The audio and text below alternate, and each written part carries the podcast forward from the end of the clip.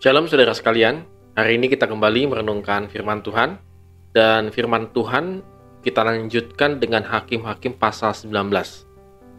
Saudara sekalian, saya sangat berharap kalau saudara-saudara membaca Hakim-Hakim pasal 19 ini secara keseluruhan dari ayat 1 sampai dengan 30. Tetapi pada hari ini saya akan membacanya hanya beberapa bagian saja karena memang cukup panjang ya yaitu ayat 1 sampai dengan ayat yang ketiga, lalu ayat 22 sampai dengan 25, dan 29 sampai dengan 30. Terjadilah pada zaman itu ketika tidak ada raja di Israel bahwa di balik pegunungan Efraim ada seorang Lewi tinggal sebagai pendatang. Ia mengambil seorang gundik dari Bethlehem Yehuda. Tetapi gundiknya itu berlaku serong terhadap dia dan pergi daripadanya ke rumah ayahnya di Bethlehem Yehuda. Lalu tinggal di sana empat bulan lamanya.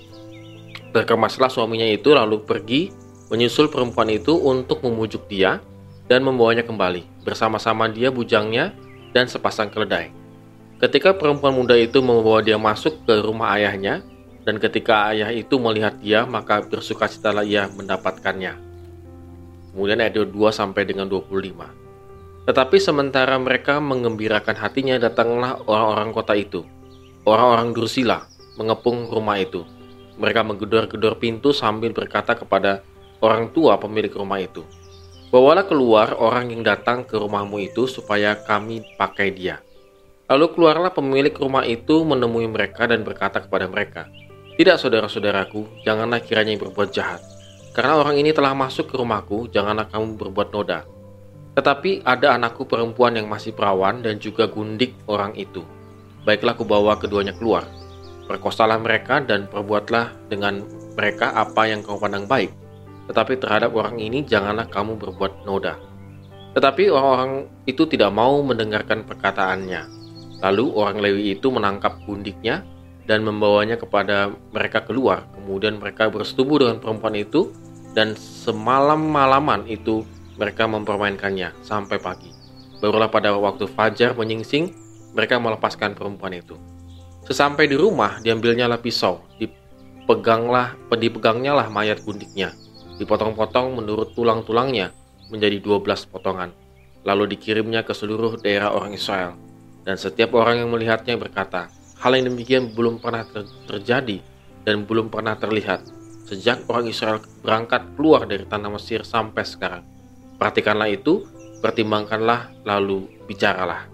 Saudara, teks yang kita baca itu memperlihatkan bagaimana kebobrokan moral orang Israel semakin lama semakin hancur, bukan semakin baik. Dan ada beberapa hal yang menjadi sorotan kita tentang kerusakan moral daripada bangsa Israel. Yang pertama adalah tentang perselingkuhan, saudara. Bahwa tadi dikatakan bahwa Imam Lewi itu memiliki seorang gundik, yaitu selir, yaitu boleh dibilang apa ya istri kedua tapi tidak sah begitu. Saya tidak akan memakai kata gundik dalam percakapan kita pada uh, hari ini. Saya memakai istri tidak sah daripada orang Lewi itu. Sebab kata gundik itu uh, mungkin bagi sebagian saudara agak-agak ini ya, agak-agak asing begitu mungkin ya. Nah, uh, gundik atau boleh dikatakan istri tidak sah, istri yang kesekian tetapi tidak sah, itu memang bukan konsep daripada Alkitab dan orang Lewi seharusnya tahu bahwa pada mulanya Tuhan menciptakan Adam dan Hawa. Tidak ada Tuhan menciptakan Adam, Hawa, lalu gundiknya, istri kedua, ketiga, keempat, kelima, nggak ada.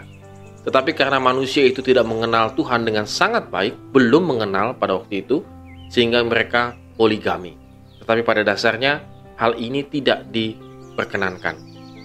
Lalu, orang Lewi ini uh, karena istrinya ini istri tidak sahnya ini selingkuh begitu lalu dia berniat untuk menyusul istrinya tersebut. Nah saudara apa yang bisa kita lihat di sini bahwa perselingkuhan itu luar biasa.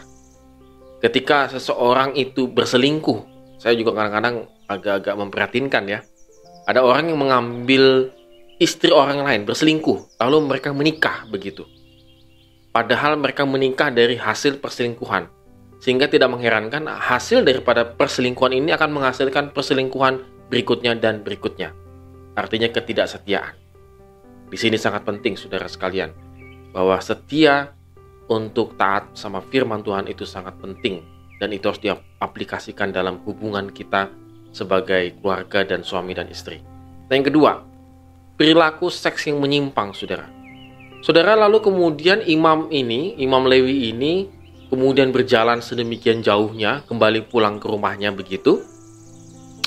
Uh, mereka itu akhirnya singgah di Gibea, bermalam di Gibea. Dan ada orang tua yang menyiapkan uh, mereka tempatnya untuk bermalam. Nah, kalau kita lihat di ayat yang ke-22 tadi, orang Gibea itu sebenarnya menginginkan si Imam Lewi ini untuk tanda petik ya saudara melakukan pelecehan seksual. Di ayat yang kedua, bawalah keluar orang yang datang ke rumahmu itu supaya kami pakai dia. Kata dia dan orang yang datang ke rumahmu itu bukan kepada istri tidak sahnya si Imam Lewi, tetapi kepada Imam Lewinya. Ini agak mirip dengan peristiwa Sodom dan Gomora. Jadi begitu hebatnya kerusakan uh, orang Gibea ini sampai tanda petik ya saudara, mohon maaf ini uh, sampai ada kata sodomi lah boleh dibilang ke gambar, uh, gambaran ini. Perilaku seks yang menyimpang. Mereka sangat amat bobrok moralnya. Dan saya sampai detik ini perilaku seks menyimpang menyimpang bagi saya adalah dosa. Bukan orangnya yang berdosa, saudara, tetapi perilaku seks yang menyimpang ini yang berdosa. Kalau orangnya harus kita selamatkan. Di sini kadang-kadang orang bisa salah, bukan menja uh, mengutuk orangnya, tetapi benar-benar memperbaikinya. Nah, ini orang Gibea sudah luar biasa sekali bobroknya.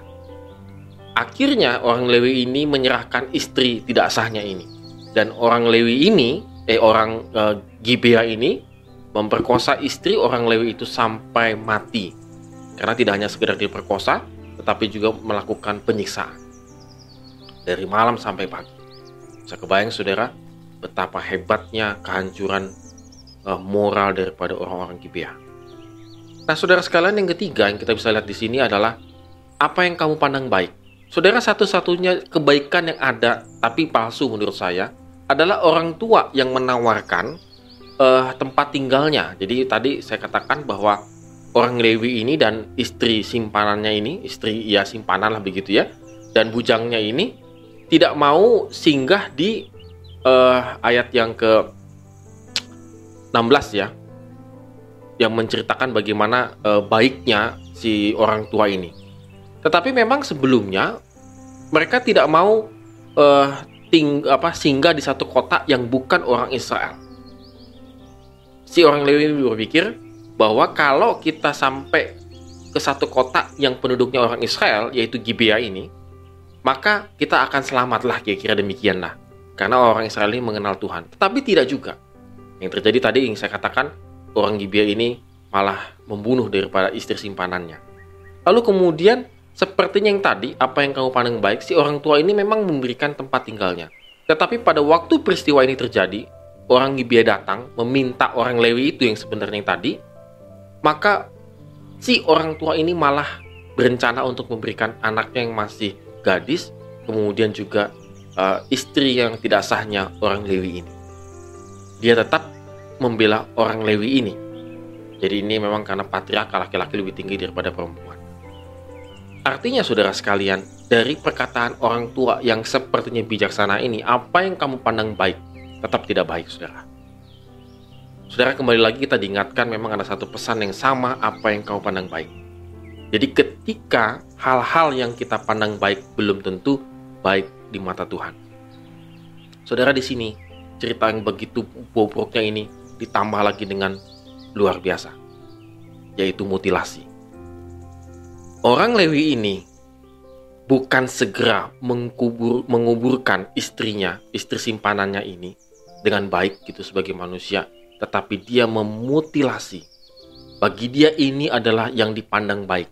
Memotong bagian tubuh mayat istrinya itu dan e, memotong sejumlah 12 lalu mengirimkannya kepada suku-suku Israel yang lain, perwakilan 12 suku Israel yang lainnya.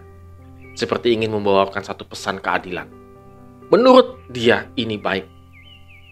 Tetapi bagi kita yang memiliki akal sehat tentu tidak baik. Saudara ini bahaya sekali dalam kehidupan kita. Moral kita bisa hancur kalau kita memakai prinsip menurut kita ini baik. Karena belum tentu menurut itu kita yang baik ini baik menurut Tuhan. Saudara, mari kita renungkan bahwa cerita kehancuran moral yang pada bagian ini di hakim-hakim masa-masa ini mengisyaratkan kepada kita bahwa kita butuh Tuhan. Kita butuh firman Tuhan day by day. Supaya apa yang menurut kita baik, itu juga baik menurut Tuhan. Amin. Tuhan Yesus memberkati kita semua.